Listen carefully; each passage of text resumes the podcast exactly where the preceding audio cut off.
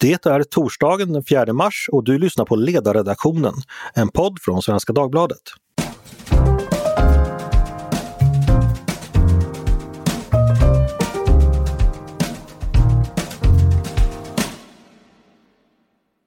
Varmt välkomna till dagens avsnitt av podden. Jag heter Andreas Eriksson. Just nu sitter nog många och väntar på sina vaccinationer mot covid-19. Vi ska göra ett litet besök i vaccinverkstaden och se hur det går där. Med mig för att göra det har jag Sveriges vaccinsamordnare Rickard Bergström. Välkommen hit Rickard! Tack så mycket! Och Fredrik Eriksson som är Director vid European Center for International Policy Economy i Bryssel där du har jobbat mycket med läkemedels och patentfrågor. Välkommen du också Fredrik! Tack så mycket! Senast jag kollade siffrorna hade ungefär 800 000 vaccinationer mot covid genomförts i Sverige. Av landets drygt 10 miljoner invånare har drygt en halv miljon fått sin första dos, varav 250 000 också fått sin andra. Vaccinationerna är alltså på gång, men vissa tycker att det går långsamt. I USA har ungefär tre gånger så många doser per capita klarats av. I Storbritannien ungefär fyra gånger så många. Och i Israel har man faktiskt lyckats vaccinera 12 gånger så många som i Sverige. Så det finns alltså länder där det går snabbare. En del har tyckt att det har gått väl långsamt i Sverige. Exempelvis så kunde TV4-nyheterna tidigare i veckan berätta att en majoritet av riksdagspartierna vill att Sverige ska försöka köpa mer vaccin på egen hand och alltså inte via de avtal som EU-länderna förhandlat fram tillsammans, vilket har varit ordningen hittills. Det finns flera andra EU-länder som också har påbörjat och försökt köpa in mer vaccin själv. Ulf Kristersson sa så här, bland annat, vi kan inte vänta och se längre. Regeringen måste göra det den borde ha gjort redan i våras och själv undersöka fler vägar för att få tag på godkänt vaccin. Jag tänkte vi skulle börja där. Eh, Rickard, vad säger du? Är det en god idé att Sverige ska försöka köpa in vaccin på egen hand? Hur realistiskt är det? Nej, det, det, är inte, det är inte särskilt eh, realistiskt. Det finns inga eh, centrallager, det finns inga doser att, att köpa utan vad man nu kontakta företagen och jag pratar med dem ja, varje dag i princip eh, så kan man få leveranser 2022. Hösten 2022 kan man få leveranser. Så det, det, det, det, är, inte, det är inte realistiskt. Eh, eh, utan nu, nu, nu är det här EU-samarbetet som, som, som gäller och men vi har ett open mind. Jag har ett väldigt brett mandat. Eh, Sveriges regering gav mig ett mandat redan i, slutet på maj förra året och eh, EU-spåret är ju ett spår, det är ju alltså plan A. Sen finns det möjlighet att köpa vid sidan om men det finns inga doser att få tag på. Eh, och jag kommer gärna, vi kan gärna komma tillbaka till det här med varför det var klokt av EU att göra det gemensamt. För vi hade ju en, en, en, en vi har en historik här, vi hade ju en erfarenhet under våren då EU-samarbetet verkligen inte fungerade med stängda gränser och eh, centrallager. Mölnlycke hade centrallager i Paris som de inte kunde använda och så vidare. Men tänk, tänk, nu, tänk situationen om Pfizers tillverkning av vaccin i Belgien om, om de vaccinen inte hade liksom fått exporteras eh, till andra EU-länder. Det hade ju varit en katastrof. Eh, så jag tror att vi, eh, vi kommer säkert tillbaka till det men jag, jag tror att, jag tror att eh, vi måste se det i det större perspektivet. Om vi bara eh, sammanfattar det du säger. Det finns inga vaccin till salu, men skulle det dyka upp ett parti till lämpligt pris så finns det ingenting som hindrar Sverige att köpa in det. Nej, egentligen inte. Men det vill säga dyka upp ett parti. Det är intressant att du använder de orden för att jag har ju fått några erbjudanden att köpa eh, vaccinpartier eh, som kommer från Arabemiraten eller Indien eller andra ställen som vi ju inte vet om de är riktiga. Om det är genuina vaccindoser eller om det är förfalskningar eller något annat. Så, eh, men, men vi, har, ju absolut möjlighet att till exempel skriva avtal med andra leverantörer. Och, eh, eh, just idag faktiskt, så vi kanske kommer tillbaka till det också, det här med att det, ryska tillverkaren har lämnat in en ansökan till Europeiska räkningsverket och eh, det är ju då någonting som vi skulle kunna göra då, antingen tillsammans med EU eller på på egen hand. Eh, och eh, det finns också några kinesiska leverantörer som tyvärr inte har liksom signalerat att de ens vill ansöka om godkännande, vilket jag tycker är lite tråkigt och, och, och, och ja, oroväckande kanske för att eh, de, de, de kan det där med läkemedel. De, det är mycket läkemedel vi får från Kina. Eh, så att det förvånar mig lite grann att de inte ens har försökt ansöka. Men jag måste ändå passa på att fråga nu när jag har dig här på linjen. Eh, tittar man på EU-nivå så har EU-länderna hittills gjort eh, åtta vaccinationer ungefär per 100 invånare. Motsvarande antal i USA är 24, det vill säga tre gånger så många. Och, och i Storbritannien nästan fyra gånger så många. Hur kommer det sig att EU ligger så långt efter när det gäller tillgången till vaccin? Vet vi det? Ja, jag tror också vi måste titta på lite grann. Det är lite, lite äpplen och päron här. Va? Jag tror att i, i USA kan vi jämföra oss med, absolut. Eh, för att de har samma strategi. De ger två doser eh, av varje vaccin enligt, eh, enligt eh, de godkännanden som finns. Eh, och eh, de började nog några veckor före därför att de fick ett godkännande tidigare. EU valde ju att inte ge ett nödgodkännande utan att vänta på ett fullt godkännande. Det var tre veckor senare. Eh, vi ser det nu framförallt med Janssen som är nästa vaccin som kommer att eh, vi får ett godkännande sannolikt bara två, tre, alltså två eller tre veckor efter i USA.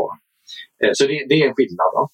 Eh, eh, men sen är det så att om vi tittar på USA så deras mål är ju att ha vaccinerat alla vuxna amerikaner till, till sommaren, eh, juni, juli. Och det är ju samma mål som vi har i EU. Så att de sitter också, de stampar nu också. Jag lyssnar mycket på amerikanska poddar och eh, ja, grannpoddar, man får göra reklam för andra poddar. USA-podden till exempel på Sveriges Radio eh, har de precis pratat om det här att alla liksom sitter och hoppar och väntar vad är vaccinen och alla beror på företagens leveranskapacitet. Så, eh, sen, Storbritannien är ett speciellt kapitel för de ger bara en dos till alla eh, mm. och väntar liksom tre månader mellan dos ett och dos två. Och Israel är, jag tycker det är fantastiskt, det är en jättebra erfarenhet. Vi lär oss alla av Israel. De, de satsar ju, they went all in att satsa på Pfizers vaccin och lyckades få jättevolymer för att bli någon form av test, eh, testlabb, eh, liksom verkstad för, för att undersöka hur blir effekten på befolkningen. Och det ska vi vara väldigt tacksamma för. Så jag tycker inte man ska vara avundsjuk på något sätt utan bara gratulera dem att de hade, de hade tur, de hade inte otur, de satsa på rätt kort och eh, vi lär oss alla av Israel. Om vi ska ta bara backa bandet lite till i förra året då och fundera på hur man valde väg då. Att det blev just genom EU-gemensamma avtal som vaccinet beställdes. Eh, jag vända mig till dig Fredrik som känner Brysselbyråkratins irrvägar väl. Hur, varför valde man att göra som man gjorde och hur bra fungerade den upphandlingen när, den, när, när, de, när de gjordes förra året? Alltså orsaken till att man gick via EU och EU-kommissionen var ju precis den som Rickard just berättade om att erfarenheterna som man hade under mars, april, maj då en rad olika länder införde exportförbud för export av eh, ansiktsmasker, ehm, eh, allmänna skyddskläder som man använder i sjukvården. Alltså man införde exportförbud för att exportera till andra EU-länder. Tyskland gjorde det till exempel vid en kritisk tidpunkt just när Eh, pandemin hade, var som värst i norra Italien och det blev stora problem eh, i Italien för att man inte fick tillgång till just det man hade beställt. Så Det var en av erfarenheterna. Ursula von der Leyen som är då president i kommissionen eh, fick göra något så ovanligt under sommaren att, att ge en officiell ursäkt till Italien för att eh, eh andra länder hade just liksom betett sig på ett sådant sätt som skadade Italiens möjlighet att kunna hantera pandemin på, på ett bra sätt. Så det var ju liksom själva bakgrunden. Sen så började ju då med att, att, att, ett, att en, ett fåtal länder, inklusive Tyskland, börjar att ha ett, ett vaccinsamarbete som handlar om eh, att försöka utveckla en strategi för både själva upphandlingen av vaccinet men det är ju egentligen bara en del, en mycket större del handlar liksom om i vilken mån man behöver ha en offensiv strategi för att skapa förmågor hos läkemedelsbolag att kunna snabbt skala upp produktionen av det som behövdes. Och ganska snart så insåg man ju från de här ländernas sida att man var tvungen att erbjuda deltagande från egentligen alla som ville. Därför att det skulle inte anses eh, okej okay om de här länderna gick fram, lyckades kapa åt sig en stor del av vaccinmarknaden och sen skulle andra länder som inte deltog i det här samarbetet eh, få vaccin mycket, mycket senare, kanske långt senare till och med. Så det var ju skälet till att, att det blev på det här sättet. Och hur var det då? Då hoppade helt enkelt alla länder på det här gemensamt, att man kände att det här gör vi bäst tillsammans? Ja, delvis. Det, var, det tog ett tag för det där att utvecklas, att, att liksom för samarbetet att sätta sig och få bygga upp eh, själva formen för det hela. Men det var, ju, det var ju i princip det det blev. Att man skapade en mekanism på EU-nivå där man erbjöd alla länder att få delta och få köpa. Men precis som Rickard sa så var det ingenting som gjorde att andra länder inte kunde gå sin egen väg och komplettera de, eh, den upphandling som man då skulle göra via EU med egna upphandlingar. Ehm, så det, det, hade man kunnat göra om man ville men, men det var inget, som, inget land som gjorde och de länder som kanske hade kunnat göra det, eh, det är ju ett stort frågetecken man givetvis får sätta eh, på den frågan. Ehm, men ett land som Tyskland till exempel, de kanske hade kunnat gått eh, och gjort en hel del själv. Hade man gjort det så hade ju sannolikt också ehm, konflikterna internt med EU kommit att blivit mycket, mycket större. Hur har man eh, i, Europa eh, tänkt kring det här med att beställa vaccin och förhållit sig till att ha en inhemsk tillverkning inom unionen? Har man satsat mycket på att köpa just av europeiska leverantörer eh, eller har det varit en fråga som har haft mindre betydelse? Går det att säga någonting om det? Ehm, ja, definitivt. Jag menar, det, har ju varit, det har ju varit en viktig sak för själva upphandlingen att det, har ska fun- att det ska funnits kapacitet för att kunna producera det här och att den kapaciteten har funnits i, i närområdet, särskilt inom EU. Um, ehm, och det gjorde ju också att man um, uh, kom att förhandla inte minst då med eh, AstraZeneca och med eh, Sanofi som båda är två europeiska bolag som har väldigt stor produktionskapacitet inom Europa. Eh, att, att, att de kommer att få en ganska framträdande roll i, i hela den här liksom, planen som man kommer att lägga fast. Så det var ju verkligen med där. Sen så dök ju också upp en del andra saker som Eh, som på ett sätt kan man säga att det, det är inte alldeles belagt att det är på det här sättet men, men det får framtida forskning visa men att det var en, en hel del eh, lobbying som också skedde från en del medlemsstater som ville att man också skulle anstränga sig för att se till att produktion skulle ske inom i det landet för att på det sättet kunna hjälpa då, eh, sin egen läkemedelsindustri. Eh, men det, det, är klart att, att det fanns en, en, en, plan redan från början att man ville använda sig av bolag som hade kapacitet att snabbt skala upp produktion inom Europa för det skulle också säkerställa själva leveranskedjan kring det hela. Så det fanns med. Men är det så ekonomi fungerar? Alltså, jag tänker ju att det ändå borde befinna sig på en, på en världsmarknad där man levererar till den som eh, betalar och som beställer först. Men är det fortfarande relevant i vilka länder olika företag har sin tillverkning alltså? Alltså ja och nej. Jag menar, titta på den, på den långa värdekedjan för hur du producerar ett vaccin eller hur du producerar en, någon annan medicin så är det givetvis mycket mer komplicerat än så. Det är inte, det är inte så att det finns en fabrik som gör liksom allt från ax till limpa här utan det kräver ett avancerade logistikkedjor som involverar många olika länder i världen för att, att det ska kunna bli produktion av ett vaccin.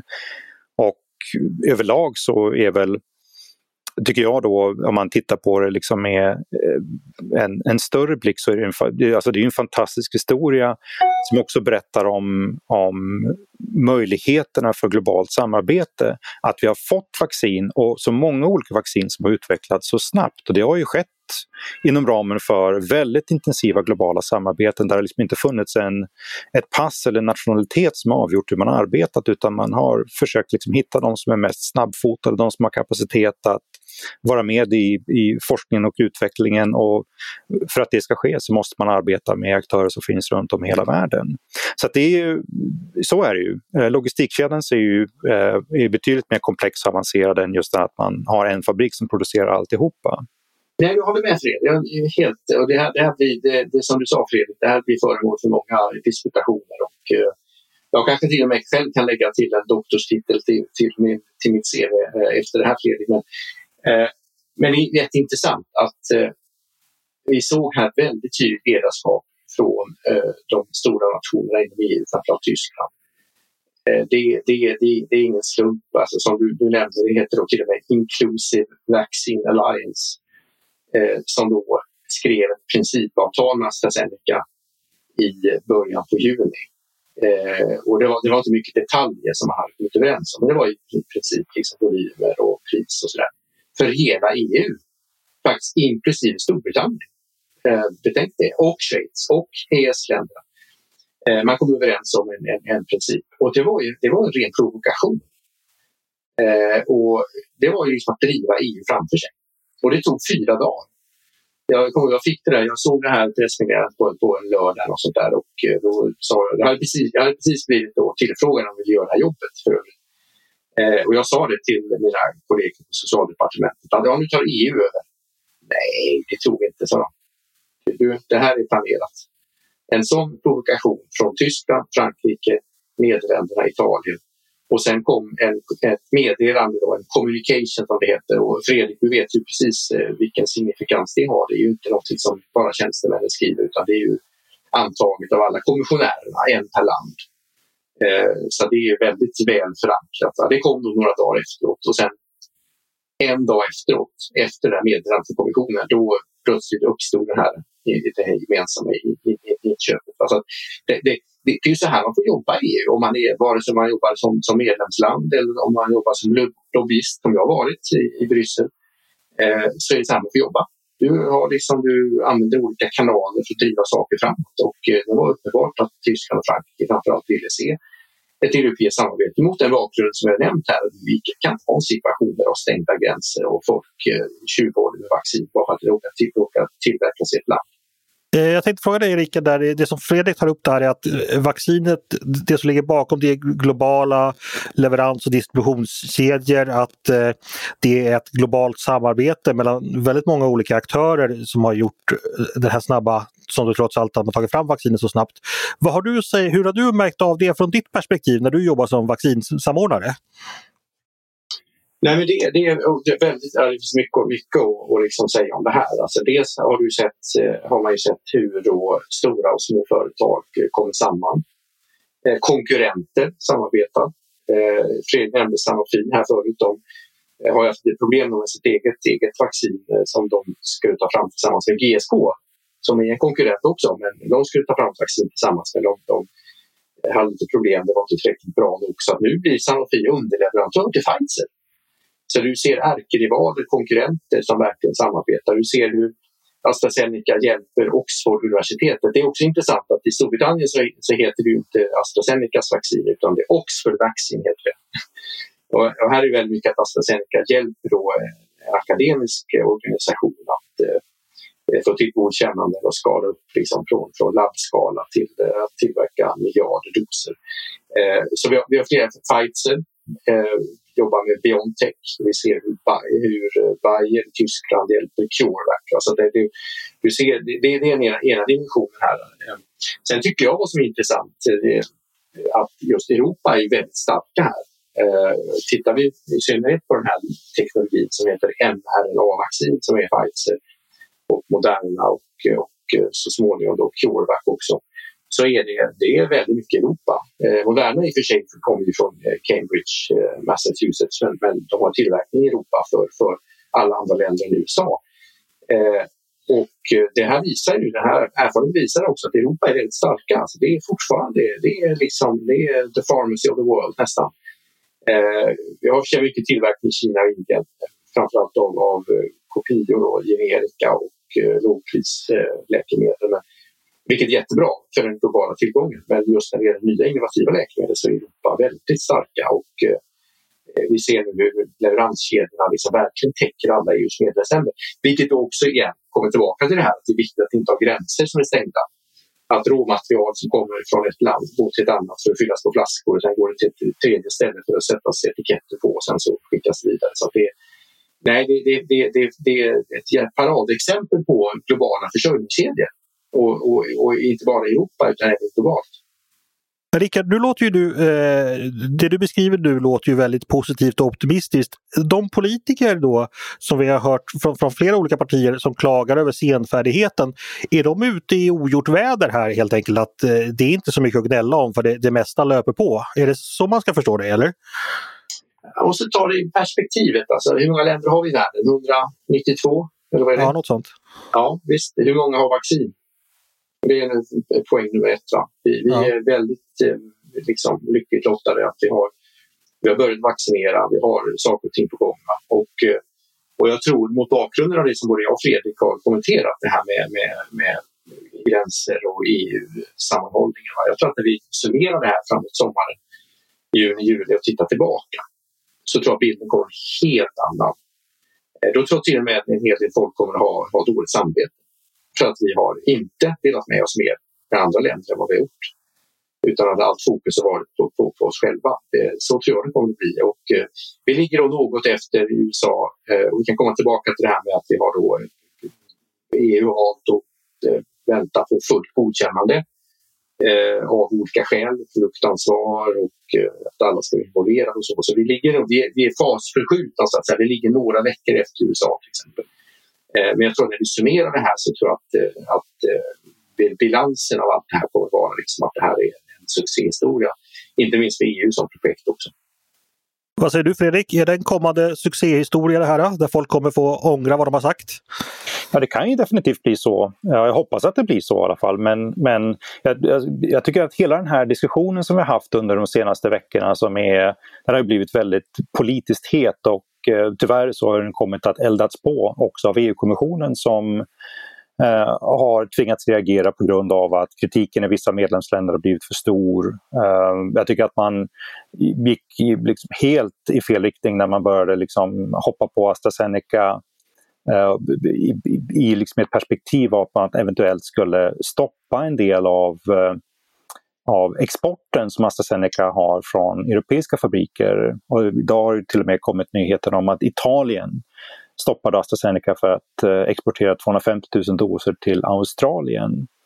Ehm, så att, jag menar, den här liksom, idén på något sätt om att det är en kapplöpning eh, tror jag kommer att eh, leda oss liksom i fel riktning. Men däremot tror jag att det finns en del frågor som man kan ställa sig om vad EU hade kunnat gjort annorlunda och vad vi kan lära oss av den här processen och också lära oss av en del andra länder när det kommer till hur hela, hur hela processen har varit. Men det som jag tycker är intressant är ju inte minst att det finns en viss skillnad mellan hur läkemedelsmyndigheter har agerat.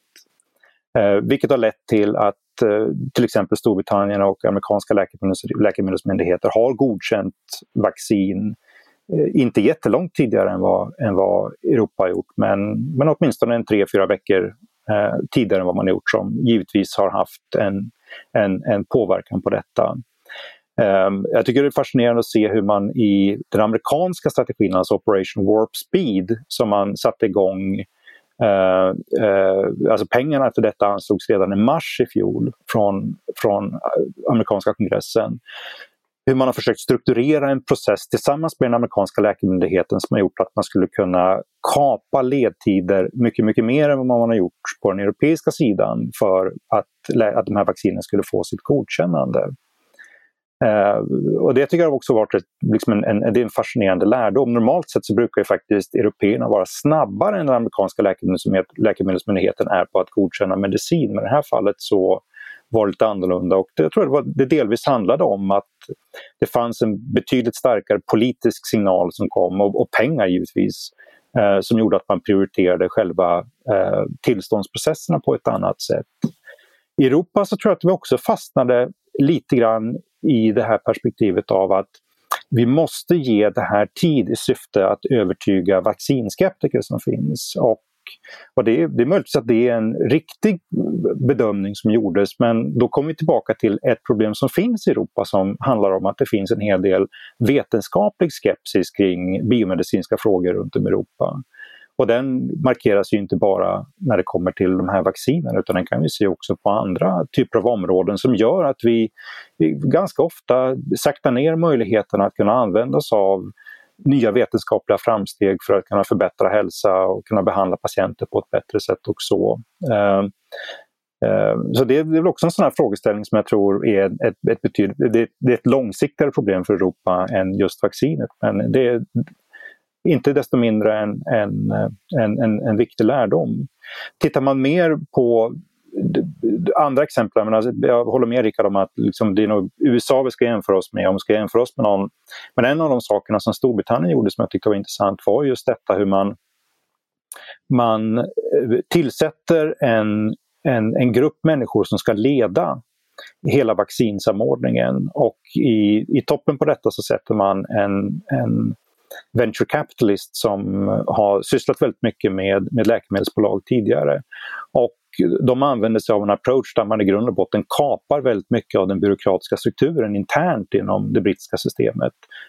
Ehm, och är väldigt offensiva när det kommer till eh, hur man erbjuder olika läkemedelsbolag att i grund och botten köpa fabriker som de behöver för att kunna producera inte bara vaccinet utan olika typer av råmaterial som ska in i vaccinet. Och ligger väldigt i framkant just med detta. Eh, vilket är en av förklaringarna till att man eh, kanske inte så mycket på, eh, på Pfizer och, eh, och Moderna men, men däremot när det kommer till AstraZeneca och de andra vaccinen som nu, CureVac till exempel, som är, är, är kanske en av kommande kandidaterna till att eh, att kunna börja producera i större skala i Europa. Att en av förklaringarna till att man, att man blir även framgångsrik där. Eh, och det kommer givetvis till en kostnad. Jag har sett uppskattningar som visar på att Storbritannien kanske har lagt 50-60% mer per, eh, per vaccindos än, än, vad man har gjort i EU. Eh, och det visar ju liksom att, att det är klart att man är man beredd att spendera pengar och man är beredd att, att ha mer av en entreprenöriell venture capitalist approach till det hela så kan man nå mer framsteg. Jag ska ta och släppa in Rickard här tror jag. Nu nämner ju Fredrik en eh, lång rad olika eh, skillnader som han tror skulle kunna utgöra lärdomar inför framtiden. Vad säger du Rickard? Vad, dels det Fredrik nämner, och är det, finns något annat som du har tänkt på som skulle kunna vara framtida lärdomar? Ja, men det finns otroligt mycket att kommentera. Eh, och nej, Fredrik, det är jättekul för att Kate Bingham som var då min motsvarighet, man säger, i där hade ju mycket riktigt då en, en eh, erfarenhet från life science-sektorn och, och, eh, som riskkapitalist som du sa. Eh, jag, jag, är inte riktigt där, men jag kan ju branschen. Jag är någonstans mitt emellan eh, själv. Men eh, eh, jätteintressanta och eh, som du säger så eh, satsar man säkert mycket mer pengar och har kanske betalat mer för vacciner. Men jag tror inte att när vi summerar det här till sommaren så tror jag inte att det har gått så mycket fortare egentligen Eh, till att få då hela befolkningen vaccinerad med, med fullgott skydd, alltså två doser. Eh, och, och de kanske har betalt mer. Men jag tycker pengar är inte det viktiga här. Och det är också intressant att det uppdrag jag fick från regeringen, de instruktioner jag har, det är ju pengarna sekundärt. Det är ju väldigt tydligt att det handlar om, om tid, så snabbt som möjligt, beredd och att, att liksom helgardera för att vi vet inte, visste inte vilka, vilka vacciner skulle vi godkänna. Nu har vi haft en himla tur. Jag menar, vi visste inte i somras det var ju många skeptiker. Alltså. Det var ju många som sa mRNA-vaccin och Pfizer, Moderna, det kommer aldrig gå. En AstraZenecas vaccin sa ju folk att det var. Det vet vi aldrig, det kommer inte gå. Nej, då har vi haft tur. Det var jättebra, fantastiskt bra forskning av, av alla företagen och akademikerna. Eh, sen tycker jag det är intressant den här definitionen Fredrik, med risk för att bli lite filosofisk. Eh, USAs hälso och sjukvårdssystem är ju väldigt annorlunda. Det är ju i grunden en marknad. Även om vi ser nu en, en, en federal intervention då med, med Operation Warp Speed. Eh, så att jag tror att det är mot bakgrund av att i, i Europa är annorlunda. Vi har Universal Healthcare Systems, vi har det vi kallar för Single Payer Systems. Eh, där vi har en helt annan syn på det här med public health och ansvaret, eh, att det offentliga ansvariga. Eh, så att här är ju liksom ambitionen att så många som möjligt ska vaccinera sig. Eh, det är viktigt om det är 50 procent eller 70 procent. Det, det är jätteviktigt i de europeiska sjukvårdssystemen. Eh, och jag tror att det möjligtvis kan ha liksom färgat också hur man resonerar. Eh, för jag menar, jag, min värld var ju sådant hela sommaren, hösten var ju åh, det här går för fort. Oj, oj, oj, det här går för fort. You are cutting corners. Och sen flippade det liksom på bara någon vecka till en diskussion att nu går det för långsamt. Så jag, jag, jag tycker, och jag upplever väl även att eh, e EUs eh, ledare har stöttat också EU-kommissionen och eh, de europeiska räkningsverken i den hållningen att, att det var rätt att inte skydda fram ett godkännande. Framförallt när det bara handlar om ett par veckor. Därför att vi måste ha tilltro till vaccinen. Det har inte varit en bra idé om experterna runt om i EUs medlemsländer sitter i tv-sofforna och säger jag har ingen aning om hur det här kommer bli godkänt det hade inte varit en bra idé. Men jag tror att det, det där är värt det, forskning faktiskt, just det här med, med hur man ser på public health i ett, ett, i ett eh, amerikanskt perspektiv och i ett eh, single payer perspektiv eh, som vi har i Europa. Jag ska tänkte vi skulle byta ämne lite. Det har ju också höjts röster för att Sverige rent av borde tillverka vaccin själv. Jag såg bland annat att Vänsterpartiet Eh, det var visserligen regionalt i Östergötland så hade man eh, motionerat om en vaccinfabrik i Sverige. Och Karin Rågsjö som är riksdagsledamot för Vänsterpartiet hon eh, twittrade här i veckan att, nu citerar jag henne, att hon vill ha en plan B om läkemedelsbolagen inte levererar som det är kontrakterat. Det bästa är i en snar framtid att vi själva producerar vaccinet. Nu sitter hela EU i läkemedelsbolagens knä och hoppas att allt ska funka. Marknaden och pandemi är ingen bra kombo. Eh, jag tänkte, vad tänker ni om när ni hör det? Borde vi ha egna vaccinfabriker? Hur realistiskt är det? Vad säger du, Rickard? Ja, först jag tycker jag att det här, nu, nu måste jag deklarera en viss bias eftersom jag kommer då från, från näringslivet. Även om jag hade min första utbildning och träning på Svenska Läkemedelsverket så, så jag kommer ju från läkemedelsbranschen och jag tror ju verkligen på, på ett eh, profat privat, och offentligt samarbete. Ja, det finns jättemånga exempel på liksom hur det har funkat otroligt bra. Att titta på alla innovationer vi haft med fantastiska läkemedel, inte minst nu med, med det här. Det är ju en otrolig eh, liksom, insats som har gjorts. Så jag, jag, tror inte på det här med, med, med, med liksom en, enbart statliga fabriker eller statlig forskning. Däremot har ju offentliga en jätteviktig roll att driva näringslivet i, i rätt riktning med olika form av, av eh, kombination av piskor och eh, morötter. Ja. Eh, så det, det, det, det håller jag med. Det håller jag med Vänsterpartiet och, och andra som har sagt att vi liksom måste titta på det här. Att långsiktigt så behöver vi ha en kapacitet i Europa. Och jag tycker absolut att Sverige ska eh, titta på möjligheten. Vi har en väldigt stark life science-sektor. Det, det, det, det, är inte många. De flesta tänker så här, vi har, vi har liksom sålt av läkemedelsindustrin. Det sålde vi bort. Liksom. Pharmacia finns inte längre. Vi har fler anställda i life science-sektorn i Sverige idag än vad vi hade för 20 år sedan. Eh, vi har massa företag med nya, nya namn. Jag menar till exempel ett företag i Uppsala som tillverkar all reningsutrustning för tillverkning av vaccin och, eh, och eh, biologiska läkemedel. Cytiva. De hette GE Healthcare innan och innan det var det Pharmacia. Så att det, det, det är fortfarande så att de här människorna finns, de här företagen finns, mycket entreprenörer. Eh, så jag tycker verkligen att det finns skäl att titta på en, en, en gemensam satsning mellan det privata och offentliga att ha vaccintillverkning i Sverige. Men då ska vi ska vara smarta. Vi ska tänka på vad är det för typ av teknologi? Då är de här vaccinerna, typ mRNA-vaccinen som vi ska göra. Vi måste ha möjlighet att ställa om eh, i, i så att säga, fredstid när vi inte har pandemiproblem kan vi tillverka andra läkemedel, andra vacciner. Eh, och Vinnova har ju faktiskt fått ett uppdrag från, från regeringen att, att eh, titta på det här. Så jag hoppas verkligen på att de kommer med ett offensivt förslag i att göra en stor satsning tillsammans med den privata sektorn. Vad säger du Fredrik? Eh, svensk vaccintillverkning, skulle det finnas ett egenvärde i det? Alltså ett egenvärde skulle jag inte säga att det är men, men däremot så finns det väl ett skäl för den svenska regeringen och andra som är involverade i svensk politik att fundera över hur kan man, hur kan man förändra svensk forskningspolitik, svensk sjukvårdspolitik och svensk näringspolitik i syfte att göra betydligt mer attraktivt att investera i Sverige? Jag tror att naiviteten som finns i det här utspelet från Vänsterpartiet är ju, ligger ju liksom i, att, i den här föreställningen på något sätt om att det här är någonting som du kan kommendera fram från regeringar. Men ett läkemedel tillverkas ju liksom inte bara av sig självt i en fabrik utan i första läget så måste du ha, du måste liksom kunna äga kunskapen för hur du tillverkar Eh, en medicin eller vaccin i första läget. Och det är inte så att Pfizer, Moderna eller AstraZeneca eller någon annan liksom gärna skulle eh, överlämna eh, den här, inte, det här liksom intellektuella ägandet till vilken fabrik som helst. Utan det här kommer ju av eh, att man arbetar med olika typer av aktörer som i, i sig har någonting att kunna erbjuda.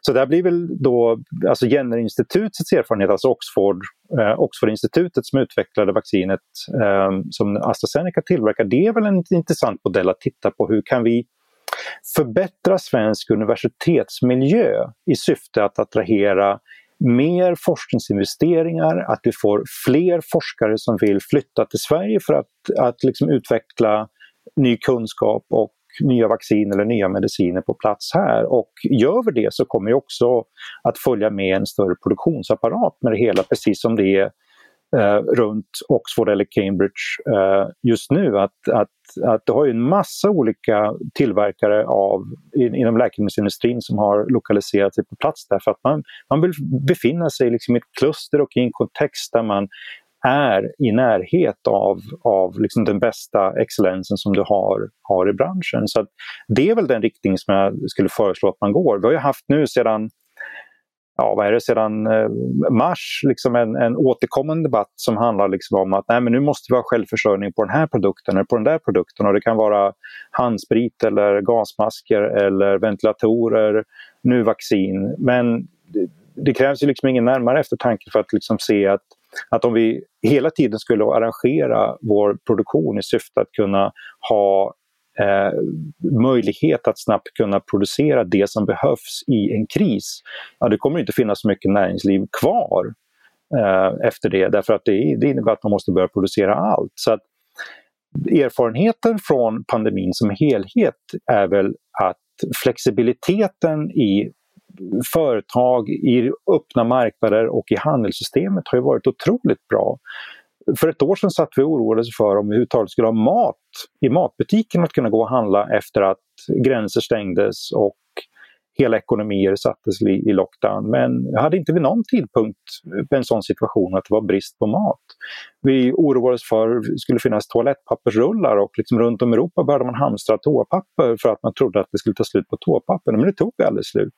Ja, det tog kort för slut på min ICA faktiskt, där alla köpte samtidigt. Jaha, men, okay, ja, men det löste sig efter någon dag. Så att... Ja, vilken tur. Ja. ja. Precis, du fick eh, undvika riva ut sidor ur böckerna och använda Nej, det. jag hade ju köpt på mig så mycket så att jag, Jaha, det var ingen brist hemma. Så att, det var ingen fara. Det var du som ja, precis.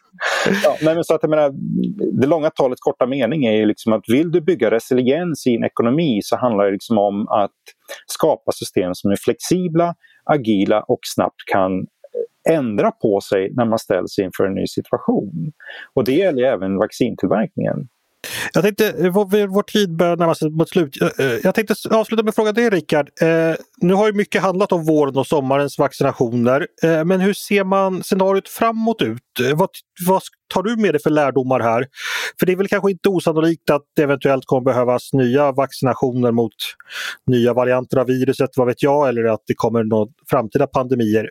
Vad tar du med dig från dina erfarenheter som vaccinsamordnare och vilka lärdomar tycker du att eh, alla bör dra av den här tiden?